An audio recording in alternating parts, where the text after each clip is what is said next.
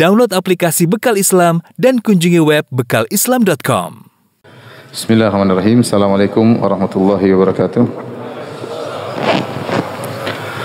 Alhamdulillahi ala ihsanihi wa syukru lahu ala taufiqihi wa amtinanihi wa asyhadu an la ilaha illallah wahdahu la syarika lahu ta'ziman li sya'nihi wa asyhadu anna Muhammadan abduhu wa rasuluhu da'ila ridwani Allahumma salli alaihi wa ala alihi wa ashabihi wa ikhwani hadirin dan hadirat dirahmati oleh Allah Subhanahu wa taala. Kita lanjutkan pembahasan kita dari As-Sirah An-Nabawiyah. Eh, pada kesempatan malam hari ini kita akan bercerita tentang kisah Islamnya Abdullah bin Salam radhiyallahu taala anhu. Abdullah bin Salam radhiyallahu taala anhu dahulu sebelum beliau masuk Islam adalah seorang ulama dari ulama Yahudi. Tentu dia tahu tentang kabar-kabar akan datangnya nabi terakhir dan dia tahu juga tentang sifat-sifat nabi tersebut karena disebutkan di Taurat ya. Uh, dan dia menantikan kedatangan Eh, Nabi tersebut. Dan sudah pernah kita sampaikan di antara sebab kenapa orang-orang Yahudi mereka tinggal di kota Madinah karena mereka tahu bahwasanya Nabi terakhir tersebut akan berhijrah ke kota Madinah sehingga mereka menantikan kedatangan Nabi Nabi tersebut.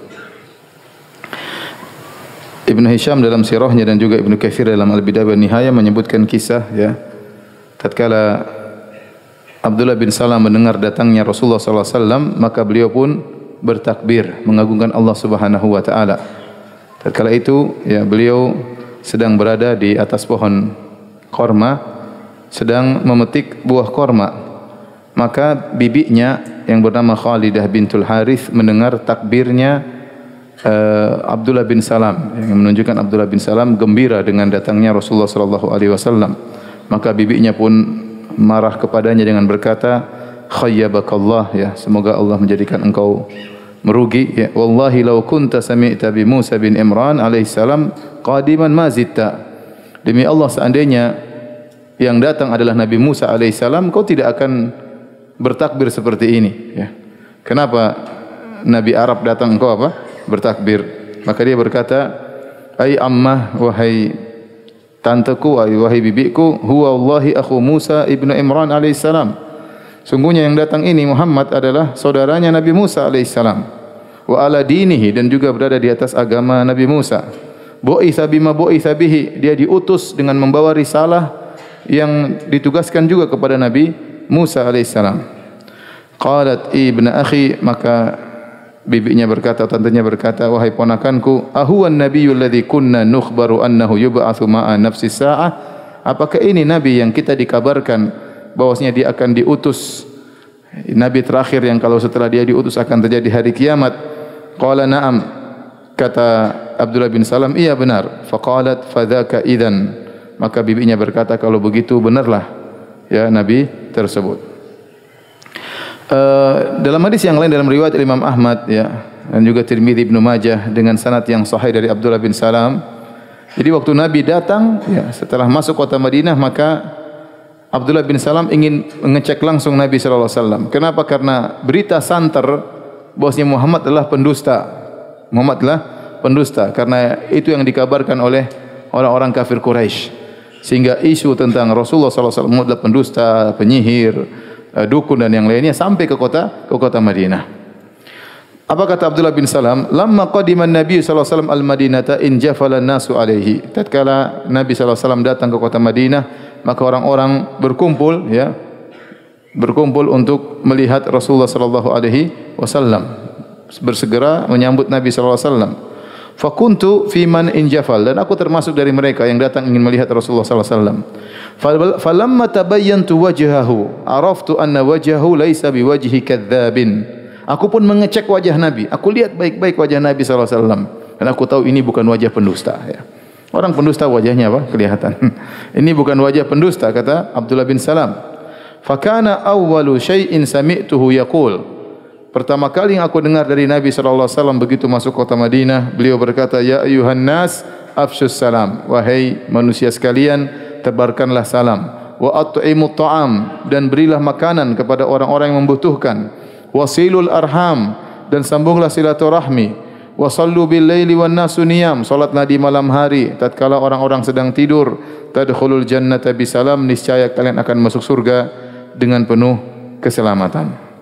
Ini di antara uh, dakwah Nabi pertama kali yang didengar oleh Abdullah bin Salam. Nabi menyuruh untuk menebarkan salam, memberi makan kepada fakir miskin, menyambung silaturahmi dan solat malam tatkala orang-orang sedang tidur maka niscaya akan menjadikan seorang masuk dalam surga dengan penuh keselamatan.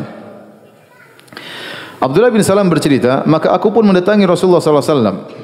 Maka aku berkata kepadanya, "Inni sa'iluka an thalathin la ya'lamuhunna illa nabi." Aku akan bertanya kepada engkau, dia berkata kepada Nabi wasallam, aku akan bertanya kepada engkau tentang tiga perkara yang tidak ada tahu jawabannya kecuali seorang nabi. Ma awalu asratis sa'ah Apa tanda pertama kali Tanda-tanda hari kiamat Yang ini yang pertama Yang kedua wa, ma awalu ta'amin yakuluhu ahlul jannah Apa pertama kali makanan yang dihidangkan Di surga yang dimakan oleh penghuni surga? Kemudian pertanyaan ketiga wa min ayyi syai'in yanzi'ul waladu ila abihi? Wa min ayyi syai'in yanzi'u ila akhwalihi? Ya bagaimana seorang anak bisa mirip dengan bapaknya ya atau mirip dengan om-omnya ya. Maka Rasulullah SAW berkata khabbarani bihinna anifan Jibril baru saja Jibril kasih tahu saya ya ini pertanyaan susah pertanyaan tentang hal yang gaib Nabi tidak tahu jawabannya tapi begitu Abdullah bin Salam tanya kepada Nabi tiba-tiba Jibril langsung beri jawaban kepada Rasulullah sallallahu alaihi wasallam maka Abdullah bin Salam berkata zaka adul yahud minal malaikah itu Jibril musuhnya orang Yahudi. Jadi Yahudi ini mereka benci sama malaikat Jibril. Mereka memusuhi malaikat apa? Jibril. Memang, memang Yahudi itu bangsat ya. Masa musuhan sama malaikat? Enggak cukup musuhan sama orang Islam, sama orang yang lain, musuhan sama malaikat. Menjadikan malaikat Jibril sebagai musuhnya. Dia tidak memusuhi seluruh malaikat, tapi yang dimusuhi terutama malaikat siapa? Jibril. Mereka jengkel sama malaikat Jibril.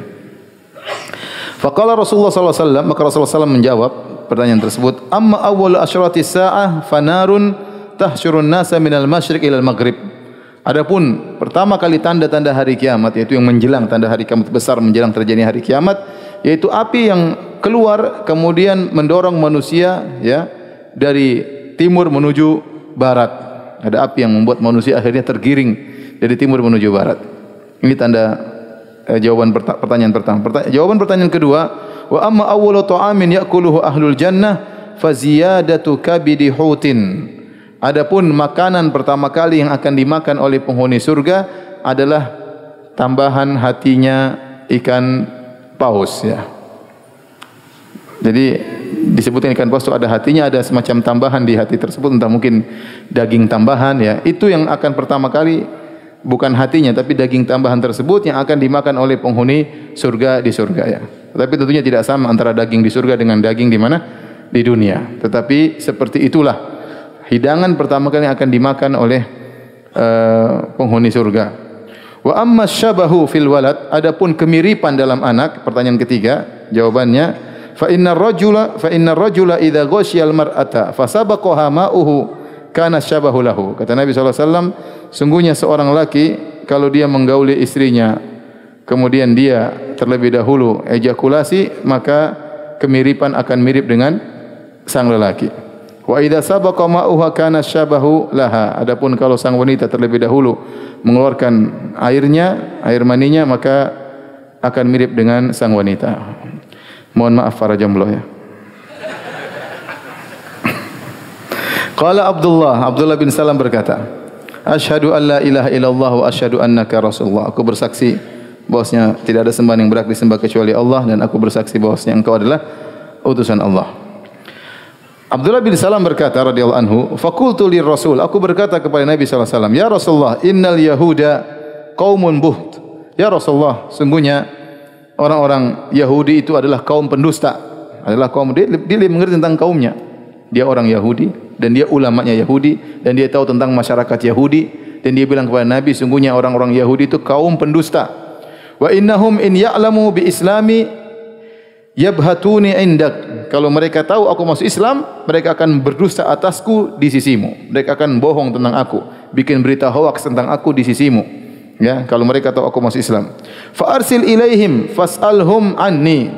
Maka ya Rasulullah, utuslah seorang utusan untuk bertanya kepada orang Yahudi tentang siapa aku. Kalau orang Yahudi belum tahu kalau Abdullah bin Salam masuk Islam. Sementara Abdullah bin Salam terkenal ulama mereka. Akhirnya ada datang utusan Nabi bertanya kepada orang Yahudi. Ayu rajulin Abdullah bin Salam fikum. Siapakah Abdullah bin Salam ini? Menurut kalian siapa dia? Bagaimana nilainya di antara kalian? Di sisi kalian? Ya. Maka akhirnya Rasulullah SAW mengutus utusan untuk bertanya ya, uh, pertanyaan tersebut ayu rajulin Abdullah bin Salam fikum siapakah Abdullah bin Salam di sisi kalian qalu maka apa jawaban orang Yahudi khairuna wa ibnu khairina. Dia adalah orang terbaik di antara kami dan bapaknya juga adalah orang terbaik. Dia adalah orang terbaik, anaknya orang terbaik. Wa alimuna ibnu alimina. Dia orang alim di antara kami, anaknya orang alim di antara kami. Wa afqahuna wa ibnu afqahina. Dan dia orang yang paling faqih tentang fikih, tentang paham agama dan anaknya orang yang paling faqih di antara di antara kami. Bayangkan tiga pujian khairuna ibnu khairina. Orang terbaik di antara kami putranya orang terbaik di antara kami. Alimuna ibnu alimina. Orang orang alim di antara kami dan anaknya orang yang alim di antara kami. Afqahuna ibnu afqahina. Orang yang paling faqih yang pakar agama di antara kami adalah dan juga sekaligus anak dari orang yang pakar agama di antara kami. Maka Rasulullah SAW bertanya pada mereka entah Rasulullah SAW atau utusannya. Aro'aitum in aslama Abdullah bin Salam. Bagaimana menurut kalian kalau Abdullah bin Salam masuk Islam? Pertanyaan mematikan. Kalau dia masuk Islam bagaimana? Mereka enggak ada jawaban. Kata mereka, A'adzahullahu min dhalik. Semoga Allah melindunginya dari masuk Islam. Jangan saya masuk Islam. Fa'ada alaihim. Rasul ulang lagi. Bagaimana menurut kalian kalau dia masuk Islam? Mereka hanya berkata, semoga Allah melindunginya. Jangan sampai dia masuk Islam. Tatkala sedang diskusi gitu dan mereka sudah terlanjur mengakui kehebatan Abdullah bin Salam, fa kharaja ilaihim Abdullah bin Salam, maka Abdullah bin Salam pun keluar, faqala di depan mereka dia berkata terang-terangan, asyhadu alla ilaha illallah wa anna muhammadan rasulullah. Dia bilang wahai kaumku, aku bersaksi tidak sembahan yang berhak disembah kecuali Allah dan Muhammad ini adalah apa utusan? Utusan Allah. Mereka langsung komentar, syarruna ibnu syarrina. Ini orang terburuk di antara kami, putranya orang terburuk di antara kami jahiluna ibnu jahilina. Orang bahlul di antara kami dan putranya orang bahlul di antara kami. Kata Abdullah bin Salam hadzal ladzi kuntu atakhawafu minhum. Inilah yang aku khawatirkan dari mereka. Mereka pendusta ya. Mereka pendusta. Ini hadis riwayat Al Imam Al Bukhari uh, maka turunlah firman Allah Subhanahu wa taala tentang Abdullah bin Salam kul ara'aitum in kana min indillahi wa kafartum bih wa syahida syahidun min bani Israel ala mithli fa amana wastakbartum innallaha la yahdil qaumadh dhalimin katakanlah bagaimana menurut kalian? Kalau ini datang dari sisi Allah dan kalian kufur terhadap apa yang datang dari sisi Allah padahal di antara kalian ada yang menjadi saksi dari Bani Israel itu Abdullah bin Salam atas kebenaran apa yang dibawa oleh Muhammad sallallahu alaihi wasallam dia beriman dan kalian sombong. Sungguhnya Allah tidak memberi petunjuk kepada orang-orang yang zalim. Inilah kisah Islamnya Abdullah bin Salam radhiyallahu taala anhu dan langka orang Yahudi masuk apa? Islam. Kenapa langka? Karena mereka fanatik dengan suku mereka. Mereka menganggap bahwasanya hanya suku mereka yang terpilih, hanya suku mereka yang terpilih. Ya, apalagi semakin belakangan semakin parah. Ya, mereka menyangka bahwasanya seluruh suku di alam semesta ini diciptakan untuk melayani suku Yahudi. Dan mereka menyangka tidak ada yang bisa masuk surga kecuali orang-orang Yahudi ya. Jadi mereka e, merendahkan suku-suku selain suku Yahudi.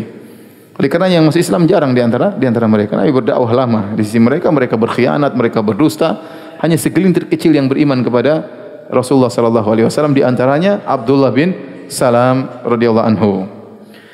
Adapun keutamaan Abdullah bin Salam maka banyak di antaranya diriwayatkan oleh Imam Al-Bukhari Imam Muslim dari Sa'ad bin Abi Waqqas radhiyallahu anhu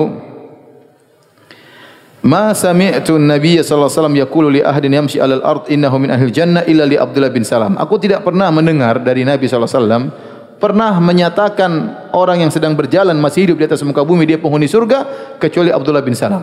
Tentu Nabi pernah bilang juga yang lain, tapi yang didengar langsung oleh Sa'ad bin Abi Waqqas, bahwa Nabi pernah mengatakan si fulan masuk surga, si fulan penghuni surga dan dia masih hidup kecuali Abdullah bin Salam.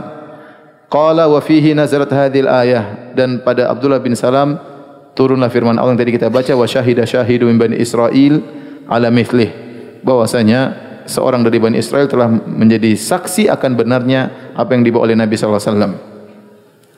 Kemudian juga diriwayatkan oleh Ibn Hibban dan Al-Hakim dan juga Imam Ahmad dengan sanad yang hasan dari Sa'ad bin Abi Waqqas dalam riwayat yang lain dia berkata anna Nabi sallallahu alaihi wasallam utiya bi qas'ah fa asabna minha Rasulullah SAW didatangkan eh, piring besar ya tempayan isi makanan lalu kami makan dari piring tersebut. Makan rame-rame berjamaah.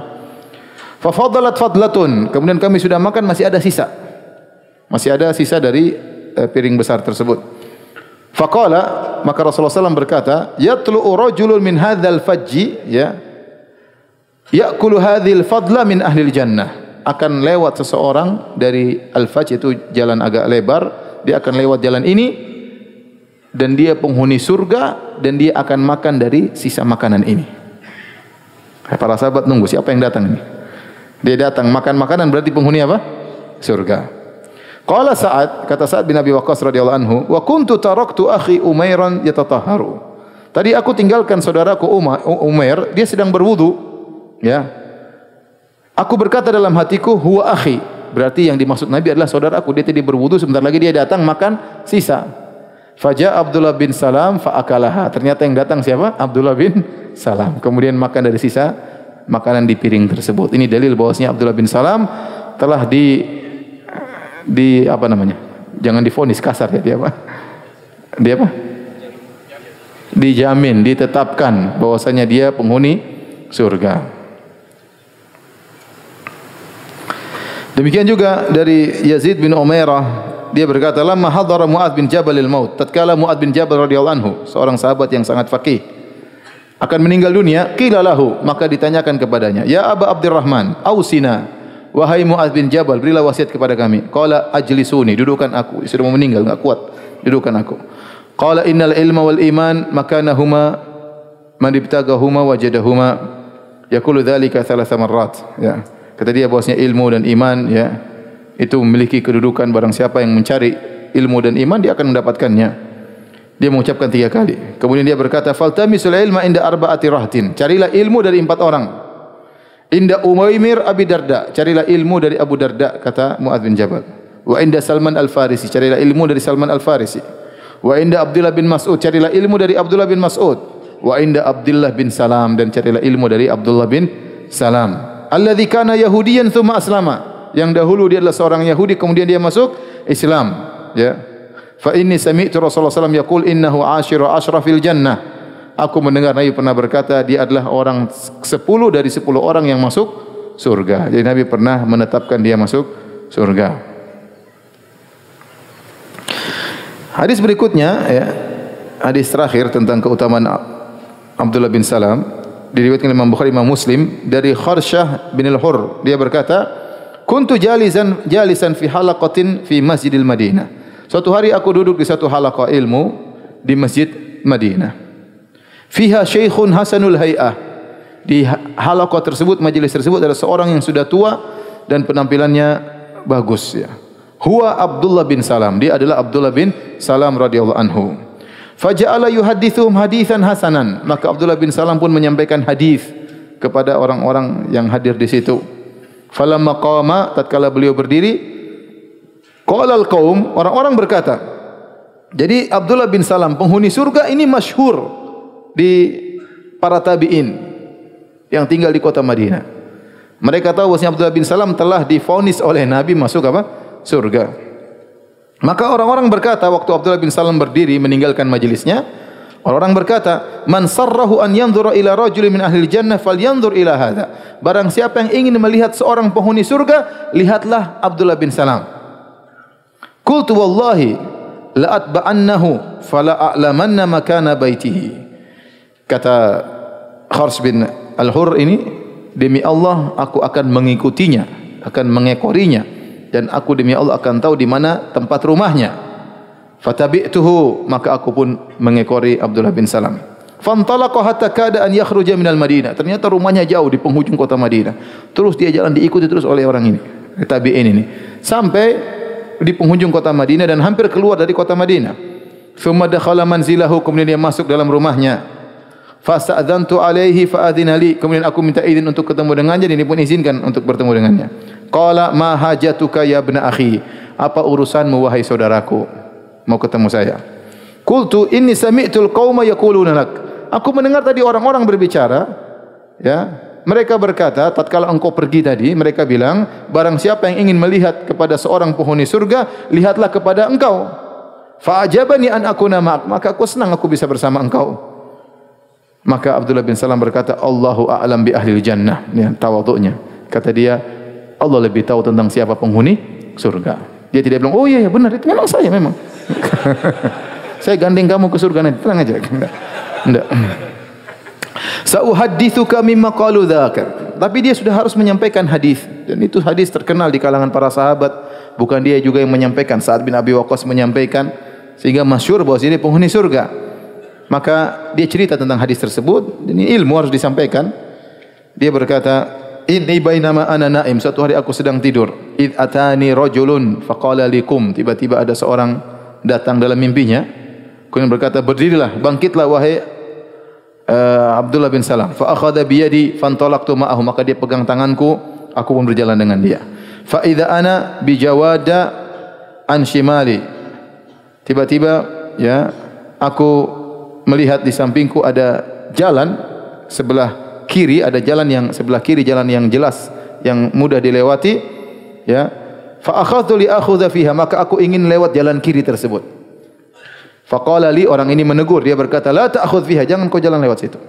Fa innaha turuqu ashabi shimal. Sungguhnya itu jalan orang-orang penghuni neraka jahanam. Ashabus shimal itu orang-orang yang golongan kiri. Fa idza jawadun manhajun an yamini. Kemudian tiba-tiba ada jalan yang jelas ya di sebelah kananku. Faqala li khudha huna lewat situ aja. Kemudian aku pun melewati jalan kanan tersebut. Fa atabi jabalan. Kemudian dia bawa aku jalan tersebut membuat aku menuju kepada suatu gunung. Faqala li dan orang itu berkata is'ad ayo naik gunung tersebut. Faja'altu idza aradtu an as'ad kharartu ala isti. Setiap aku mau naik di atas gunung tersebut aku terjatuh. Jatuh di bawah di di bokongku jatuh terduduk. Setiap mau naik lagi jatuh terduduk hatta fa'altuhu miraran aku lakukan berulang-ulang tidak mampu naik gunung tersebut Thumma talaqa bi hatta atabi amudan. Kemudian orang itu bawa aku berjalan lewat jalan kanan tersebut sampai aku melihat suatu tiang yang tinggi, ra'suhu fis sama wa asfaluhu fil ardi. Ini mimpi ya. Ini mimpi. Dia melihat tiang yang tinggi, ujung tiang tersebut di langit sementara bawahnya di di bumi. Wa fi a'lahu halaqatun dan di ujung tiang tersebut ada semacam bundaran, halaqah. Semacam ring besar.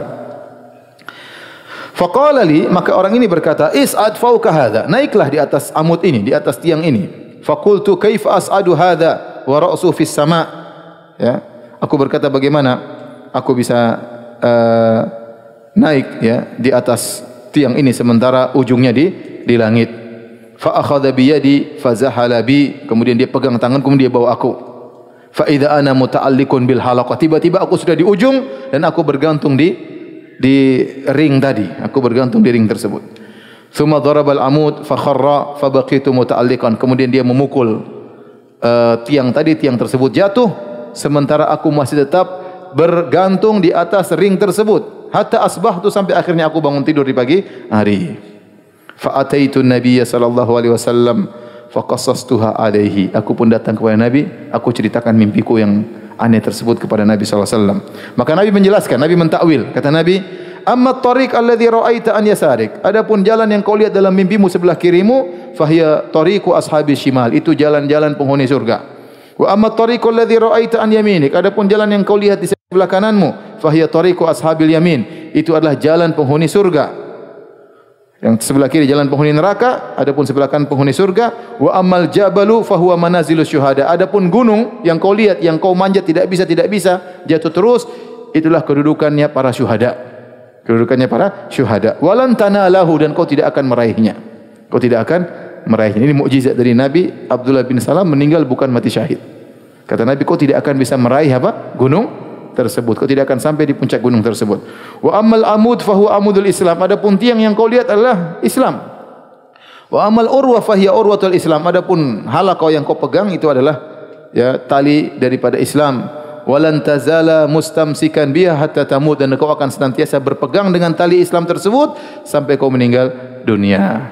Dalil bahwasanya Abdullah bin Salam kokoh di atas Islam namun dia tidak meninggal dalam kondisi mati mati syahid ya. Beliau meninggal di Madinah tahun 43 Hijriah di zaman khilafah Muawiyah ibn Abi Sufyan radhiyallahu taala anhum ajma'in meninggal ya, di atas tempat tidurnya bukan meninggal dalam kondisi mati syahid.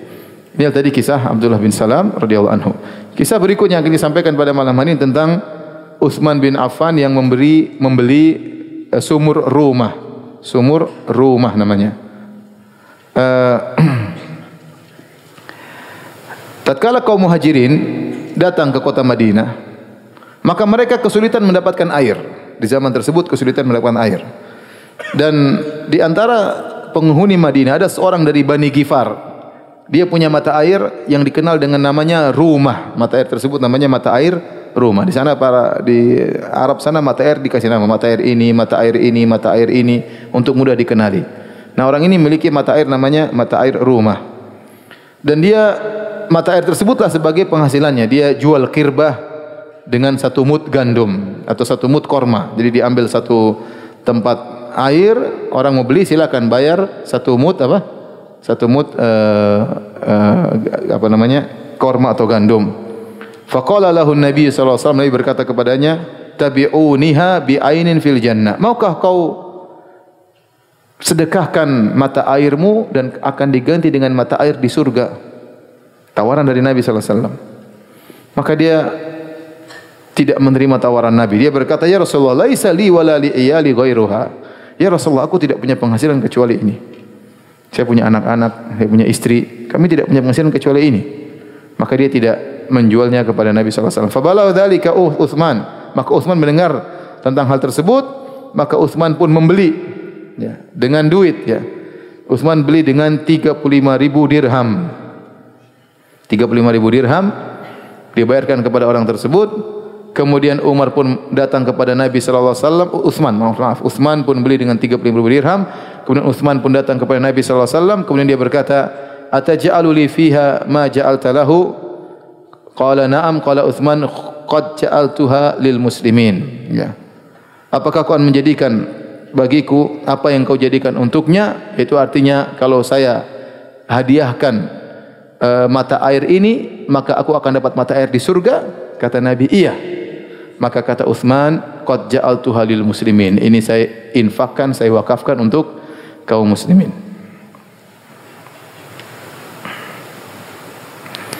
Dalam riwayat yang lain dari Uthman bin Affan, ya, tatkala Rasulullah SAW datang kota Madinah, waktu itu tidak ada air segar selain air yang bersumber dari sumur ini atau mata air ini, sumur rumah.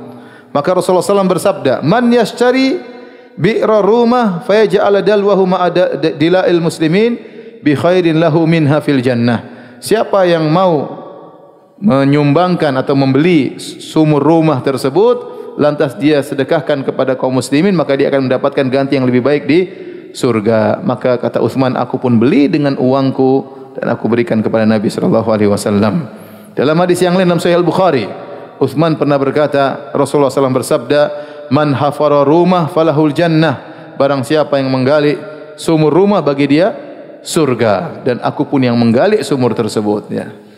Ini kalau tidak salah, Uthman sampaikan tatkala dia ingin dibunuh oleh orang-orang di masa pemerintahannya. Dia ingatkan, Rasulullah pernah bilang, saya penghuni surga. Ya. Sementara kalian ingin apa? Ingin dia sebutkan tentang apa yang Rasulullah bercerita tentang dia. Tapi akhirnya dia tetap dibunuh oleh mereka radhiyallahu taala anhu. Taib uh, ini masih kita cerita tentang awal-awal kejadian yang ada di uh, kota Madinah, awal kedatangan Nabi sallallahu alaihi wasallam ke kota Madinah. Uh, berikutnya yang ada lagi uh, hal yang perlu diketahui di awal kedatangan Nabi di kota Madinah yaitu perubahan salat. Perubahan salat waktu Nabi Isra Mi'raj, salat diwajibkan dua-dua rakaat kecuali salat Maghrib. Di waktu Nabi masih di Mekah ya sekitar beberapa tahun menjelang Nabi berhijrah ke kota Madinah, Nabi dipanggil oleh Allah sehingga Nabi melakukan Isra Mi'raj, kemudian diwajibkan solat lima waktu. Pertama kali diwajibkan solat duhur dua rakaat, solat asar dua rakaat, solat maghrib tiga rakaat, solat isya dua rakaat, solat subuh dua rakaat. Semuanya dua rakaat kecuali solat maghrib. Dan tatkala Nabi sampai di Madinah, maka berubah menjadi empat rakaat. Ya. Imam Ahmad meriwayatkan dari Aisyah radhiyallahu taala anha, beliau berkata, "Kana awwalu kana awwalu mafturidha ala Rasulullah sallallahu alaihi wasallam as-salah, rak'atani rak'atani." Pertama kali diwajibkan kepada Nabi yaitu salat dua rakaat dua rakaat ilal maghrib kecuali maghrib. Fa innaha kanat thalathan. Maghrib sejak awal sudah tiga rakaat. Thumma atamma Allahu dhuhra wal asr wal isya. Kemudian Allah pun merubah menjadikan solat tersebut menjadi sempurna menjadi empat. Zuhur empat rakaat, asar empat rakaat, wal isya akhir itu solat isya empat rakaat. Tatkala sedang mukim fil hadar. Wa aqarra salata ala fardil awal fis safar. Adapun tatkala safar kembali seperti awal. Jadi asalnya solat duhur berapa rakaat? Dua rakaat. Asar berapa rakaat? Dua. Maghrib satu setengah bukan tiga. Isya dua. Subuh dua. Tatkala Nabi pindah ke Madinah, aturan berubah. Yang mukim jadi empat semuanya kecuali maghrib, kecuali subuh dua rakaat. Adapun zuhur, asar, isya empat rakaat. Tapi kalau sedang safar, kembali kepada hukum awal. Hukum awal bahwasanya solat itu dua dua rakaat. Ya. Oleh karenanya para ulama mengatakan orang yang sedang safar lebih afdol dia solat dua rakaat. Karena Nabi selama safar tidak pernah solat empat rakaat. Selalu solat dua rakaat. Bahkan ini kembali kepada hukum asal sebelum Nabi berpindah ke kota Madinah. Kemudian juga tatkala Rasulullah SAW sudah tinggal di kota Madinah, sudah bangun Masjid Nabawi, ada sekelompok sahabat dari Banu Salimah. Mereka ingin meninggalkan rumah-rumah mereka, ya, ingin tinggal dekat Masjid Nabawi karena rumah mereka jauh dari Masjid Nabawi. Banu Salimah ini tinggal di penghujung kota Madinah. Mereka ingin dekat dengan Nabi, ingin dekat dengan uh, Masjid Nabawi, ya. Maka Rasulullah SAW khawatir kalau mereka pindah semuanya, pindah rumah dekat Masjid Nabawi, nanti kota Madinah akan kosong. Khawatir mudah diserang. Jadi memang harus agak tersebar. Para sahabat ada yang sebelah sana, harus sebelah sana sehingga bisa menjaga keamanan kota Madinah. Maka tatkala mereka ingin menjual rumah mereka yang ada di ujung kota Madinah, kemudian bangun rumah dekat Masjid Nabawi, maka Nabi tidak setuju. Kata Nabi SAW, Inna lakum bikuli khutwatin darajah. Jangan kalian pindah rumah. Biar rumah kalian di situ saja. Ya, karena setiap langkah yang kalian langkahkan akan menambah derajat. Bayangkan, pergi, pulang, berapa langkah diangkat oleh seorang tatkala pergi ke Masjid Nabawi dan itu akan menambah derajat mereka. Ya. Imam Muslim juga meriwayatkan dari Jabir bin Abdullah. Beliau berkata, "Arada Banu Salimah an yatahawwalu ila qurbil masjid." Banu Salimah ingin pindah ke tempat dekat Masjid Nabawi. Mereka mendengar ada tempat kosong, siap untuk dibeli, siap untuk dibangun. Maka mereka ingin pindah rumah kesempatan supaya bisa dekat dengan Masjid Nabawi, dekat dengan Nabi SAW. Maka Nabi tidak setuju. Kata Nabi, Ya Bani Salimah, dia rokum tuktab atharukum. Wahai Banu Salimah, tetaplah kalian di rumah-rumah kalian yang jauh tersebut. Karena setiap langkah kalian akan dicatat sebagai apa? Pahala. Ya. ya. Akhirnya mereka pun tetap tinggal di rumah mereka dan tidak jadi pindah. Turunlah firman Allah tentang mereka wa naktubu ma qaddamu wa atharahum. Allah catat bagi mereka amal yang mereka lakukan dan jejak langkah kaki mereka juga dicatat oleh Allah Subhanahu wa taala. Ini dalil bahwasanya kalau orang rumah semakin jauh dari masjid pahalanya semakin apa? Semakin banyak. Yang penting jangan ketinggalan jamaah. Ya. Dan ini dituntut Nabi ingin seperti ini. Makanya ada seorang sahabat yang rumahnya jauh dari masjid dan dia ingin dia selalu dan tidak pernah ketinggalan solat di masjid. Sampai ada yang kasih ide bagaimana kalau kau beli himar, kemudian kau naik himar, kalau musim panas enak tidak kepanasan jalan ya, ya dan seterusnya. Kata dia enggak, saya lebih senang apa? Jalan kaki dan Nabi membenarkan dia. Oleh karenanya pada asalnya syarat Islam kalau mudah kita pilih yang mudah kata para ulama kecuali ada dalil yang mengkhususkan contohnya pergi ke masjid usahakan jalan apa kaki kalau antum punya motor usahakan jalan kaki. Ya, kecuali terlalu jauh lain cerita ya. Kalau terlalu jauh kita uh, apa namanya pergi jalan kaki sampai di sana kita mau sholat maghrib, sholat isya sudah selesai. kalau terlalu jauh maka kita naik mobil. Ustaz kalau naik mobil dapat dapat pahala enggak? Apakah setiap putaran roda satu langkah? Para sahabat dahulu begitu, para salaf dahulu begitu senang ingin dapat pahala banyak, mereka langkahkan kaki mereka menuju masjid langkah kecil-kecil. Karena setiap langkah satu apa? Derajat. Satu langkah derajat menghilangkan dosa, langkahnya kecil-kecil. Sengaja mereka supaya semakin banyak langkah menuju apa? Masjid ya. Nah, kalau motor mobil bagaimana ya? Syekh Utsaimin berkata, seandainya seorang ada uzur, ya. Misalnya terlalu jauh atau sakit, tidak bisa jalan atau ada uzur, ya, maka insya Allah setiap roda mengangkat apa? Derajat.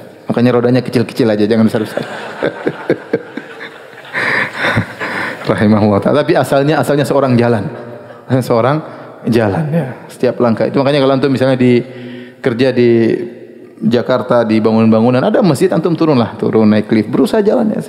Tiap hari lima waktu atau tiap hari di kantor tiga waktu luar biasa pahala banyak ya setiap langkah mengangkat derajat dan mengurangi apa dosa kalau seorang berjalan ternyata masjidnya 100 meter. 100 meter itu dia langkah kaki mungkin 200 kali ya. Bolak-balik 400 kali. Berarti dia sekali pergi masjid dia dapat 400 apa? Derajat. Dihapuskan dosa-dosanya 4 400 dan ini nikmat yang luar biasa. Bagaimana kalau itu ternyata sampai setahun? Bagaimana kalau selama puluhan tahun dia seperti itu? Dia tidak terasa ternyata setiap hari derajatnya ditambah oleh Allah Subhanahu wa taala. Maka merugi orang yang tidak salat ke masjid, tidak berjamaah di masjid. Apalagi kalau di masjid pahala 27 kali lipat, luar biasa ya. Oleh karena seorang ikhwan laki-laki jangan malas-malasan ke masjid. Ini juga dalil kata para ulama, boleh seorang sengaja pergi ke masjid yang lebih jauh. Sebenarnya lama mengambil dalil, seorang sengaja pergi boleh ke masjid lebih jauh terutama kalau ada masalah tertentu. Selama tidak menimbulkan apa? fitnah selama masjid yang dekat tetap makmur maka dia boleh pilih masjid yang lebih jauh. Misalnya sana imamnya lebih enak misalnya. Ya dia sengaja supaya pahala langkah kakinya lebih apa? Lebih banyak ya. Dengan syarat jangan sampai masjid yang dekat akhirnya muattal apa tidak tidak tidak dirawat tidak ada yang ngisi maka tidak makmur maka tidak boleh.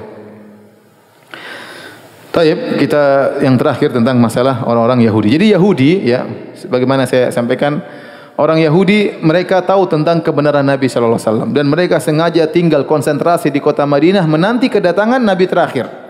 Maka di sana ada tiga suku besar di kota Madinah yaitu Bani Qainuqa yang tinggal di tengah kota Madinah dan dia adalah hulafanya suku Al-Khazraj dan kemudian ada dua suku lagi Bani Nadir dan Bani Quraidah.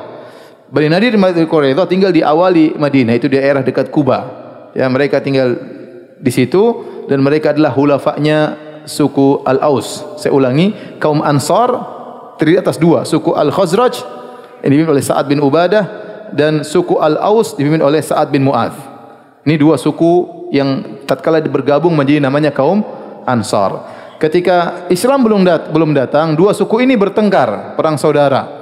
Suku Aus dan suku Khazraj. Nah, suku Khazraj mereka bersekutu dengan Bani Qainuqa untuk menyerang saudara mereka suku Aus yang bersekutu dengan Bani Nadir dan Bani Quraidah. Intinya di di kota Madinah ada tiga kabilah besar yaitu Bani Qainuqa, Bani Nadir dan Bani Quraidah. Yang pertama diusir oleh Nabi adalah Bani Qainuqa.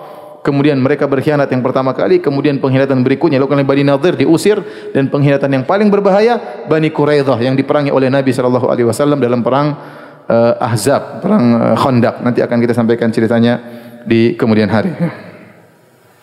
Intinya orang-orang Yahudi ya kalau terjadi peperangan di antara mereka dengan suku Aus Khazraj, terkadang mereka ribut, mereka gabung kemudian melawan suku Aus Khazraj, mereka sering sesumbar. Kata mereka akan datang suatu nabi yang akan bersama kami menghabisi kalian.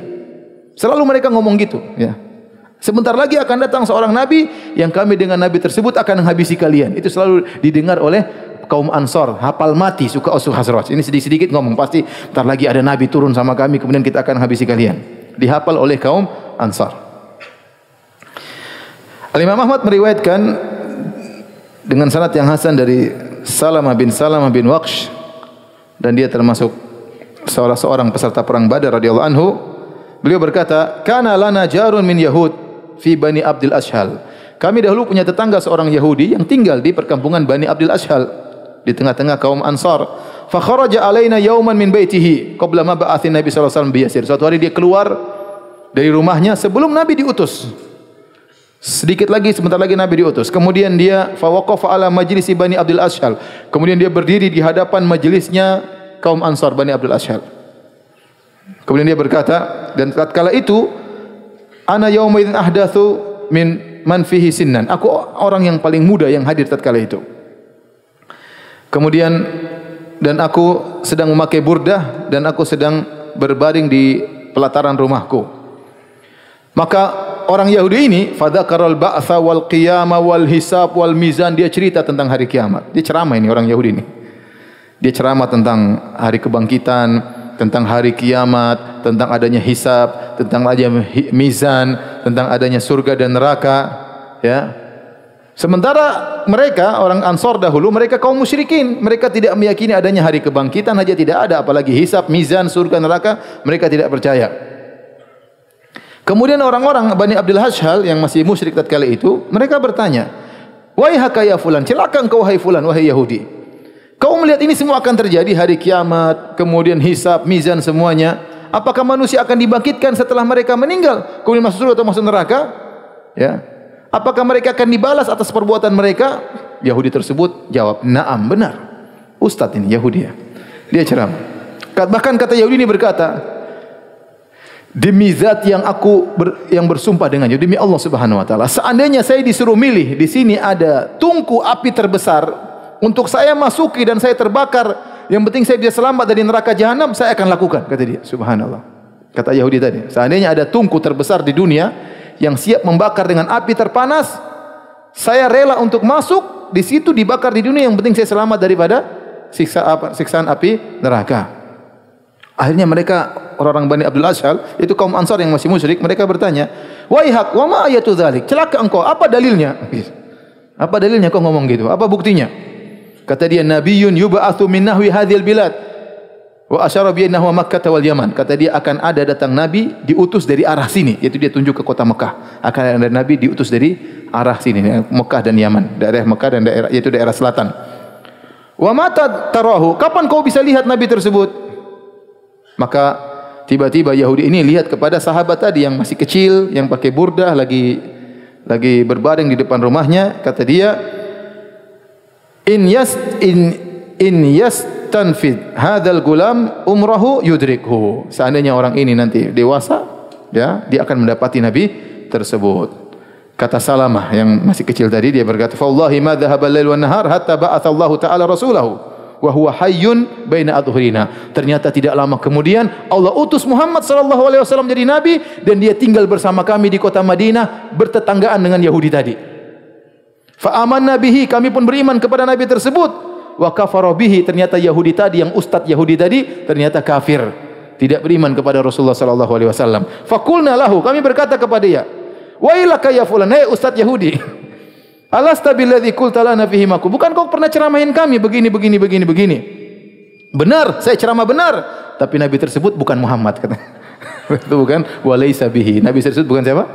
Muhammad Ibnu Ishaq meriwayatkan uh, dari Ikrimah Maula Ibni Abbas ya bahwasanya Muad bin Jabal dan juga Bishr bin Bara bin Ma'rur dua orang sahabat radhiyallahu taala anhuma mereka berdua pernah berkata kepada orang-orang Yahudi ya ma'syara yahud ittaqullah wa aslimu. Wahai orang Yahudi sekalian bertakwalah kepada Allah dan masuk Islamlah kalian. Faqad kuntum tastaftihuna alaina bi Muhammadin. Bukankah dahulu wa nahnu ahla syirkin waktu kami masih musyrik kalian selalu sesumbar mengatakan akan datang nabi terakhir yang akan menemani kami mengalahkan kalian.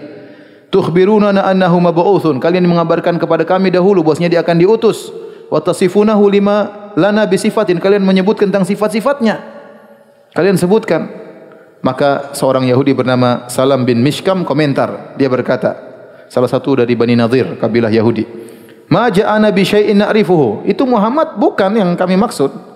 Dia tidak datang dengan sifat yang kami kenali sebelumnya. Wa ma huwa billadzi kunna nadhkuruhu lakum. Itu bukan yang kami sebut-sebut, bukan dia, yang lain maksudnya. Dan ini kedustaan dari mereka. Padahal Allah berfirman, ya'rifunahu kama ya'rifuna abna'ahum. Sungguhnya ahlul kitab Yahudi kaum Yahudi mereka mengenal Muhammad sebagaimana mereka mengenal anak mereka. Jadi pengenalan tentang Rasulullah itu dengan pengenalan yang detail. Kalau kita punya anak kita kenal dia dengan detail atau tidak? Kita kenal. Sifat-sifatnya bagaimana, munculnya dari mana, bakalan ke mana. Makanya Yahudi tadi mengatakan, "Oh, akan datang nabi, datangnya dari arah Mekah sana." Ya. Dan mereka tahu akan berhijrah ke kota Madinah, mereka tahu. Jadi cerita tentang nabi itu detail.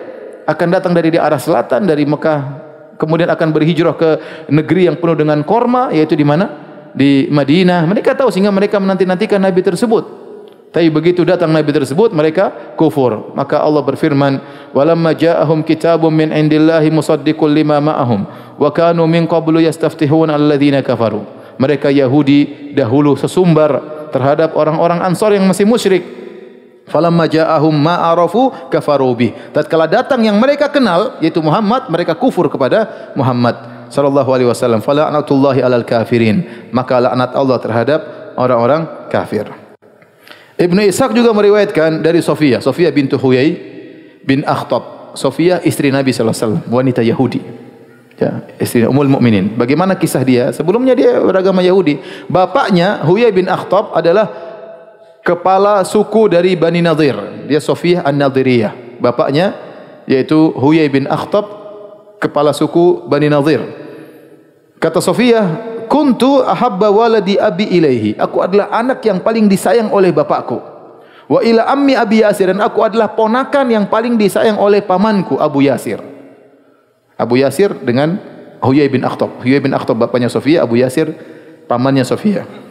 Lam alqahuma qad ma waladin lahuma illa akhadhani dunahu. Setiap kalau mereka berdua ketemu aku ada anak yang lain, yang lain ditinggal, aku yang dia pegang. Saking sayangnya bapaknya sama pamannya kepada Sofia. Sangat sayang kepada Sofia. Sofia cerita, tatkala Rasulullah SAW datang ke kota Madinah, wa nazala Kuba dan Nabi tinggal di Kuba. Tatkala bangun Masjid Kuba di Bani Amr bin Auf. Goda alaihi abi Huyai bin Akhtab wa ammi Abi Yasir bin Akhtab. Maka bapakku Huyai bin Akhtab dengan pamanku Abu Yasir bin Akhtab segera menuju kepada Rasulullah sallallahu alaihi wasallam. Mughallisin pagi-pagi Mughallisaini pagi-pagi mereka sudah pergi. Masih baru setelah salat subuh masih bercampur remang-remang antara gelap dengan terang remang-remang mereka sudah berangkat dari kota Madinah menuju ke Kuba ingin mengecek Rasulullah sallallahu alaihi wasallam. Falam yarji'a hatta kana ma'a ghurubi syams. Mereka lama di Kuba, benar-benar ngecek Muhammad sallallahu alaihi wasallam. Pergi pagi, subuh, pulang maghrib tatkala mereka pulang maghrib fa ataya kallaini kasalanaini saqitaini yamshiyaini alhuwaina maka datang dalam kondisi lemas dua orang tersebut. Lemas sedih tidak semangat. Padahal perginya semangat. Pas pulang lemas tidak semangat kayak orang mau jatuh. Qalat fahashastu ilaihima kama kuntu asna'u. Maka aku bercanda dengan mereka. Ada kabar gembira apa? Sebagaimana biasa kalau aku bertemu dengan mereka berdua Wallahi maltafata ilayya wahidun minhuma. Ternyata keduanya tidak noleh sama sekali kepadaku. Padahal aku adalah anak yang paling mereka cintai. Kalau ketemu aku pasti diambil, digendong atau dipeluk dan yang lainnya. Ma'ama bihima minal gham karena saking sedihnya mereka berdua mereka tidak peduli dengan aku. Wa sami'tu ammi Abi Yasir. Sami'tu ammi Aba Yasir bahwa yaqul li Abi Huyai bin Akhtab ahwa huwa aku mendengar mereka berdua berbicara. Pamanku ngomong sama bapakku. Itukah dia? Gitu. Itu Nabi yang kita tunggu-tunggu, itukah dia? Kata bapaknya Sofia, Naam wallahi demi Allah, itu Nabi yang kita tunggu-tunggu. Qala ata'rifuhu wa tuthbituhu? Benar kau tahu dia itu Nabi yang terakhir? Benar kau yakin itu Nabi yang terakhir yang kita tunggu? Qala na'am, benar itulah Nabi yang kita tunggu. Cuma mereka kecewa ternyata bukan dari Yahudi, ternyata Arab. Itu yang bikin mereka kecewa semuanya, hancur semuanya. Seandainya itu Yahudi, uh langsung mereka semangat. Ternyata Nabi terakhir dari mana? Arab. Qala, benar kau yakin itu? Iya benar itu Nabi terakhir yang kita tunggu-tunggu. Fama fi nafsika? Kalau begitu bagaimana sikapmu terhadap Nabi itu? Kata bapaknya Sofia, adawatuhu wallahi ma baqitu. Aku terus memusuhinya selama aku masih hidup. Subhanallah. Yahudi parah ya. Sudah tahu itu benar tapi dia tetap melawan ya. Oleh karenanya Yahudi memang parah, sifat mereka sangat parah. Hobi mereka adalah membunuh para nabi, ya, maka memusuhi Nabi wasallam adalah perkara sepele. Wong Jibril saja mereka tantang, apalagi Rasulullah sallallahu alaihi wasallam. Taib ini waktu sudah habis insyaallah pertanyaannya simpan aja dua minggu lagi ya. Sampai di sini kajian kita. Subhanakallah bihamdik astaghfiruka wa ilaik. Assalamualaikum warahmatullahi wabarakatuh.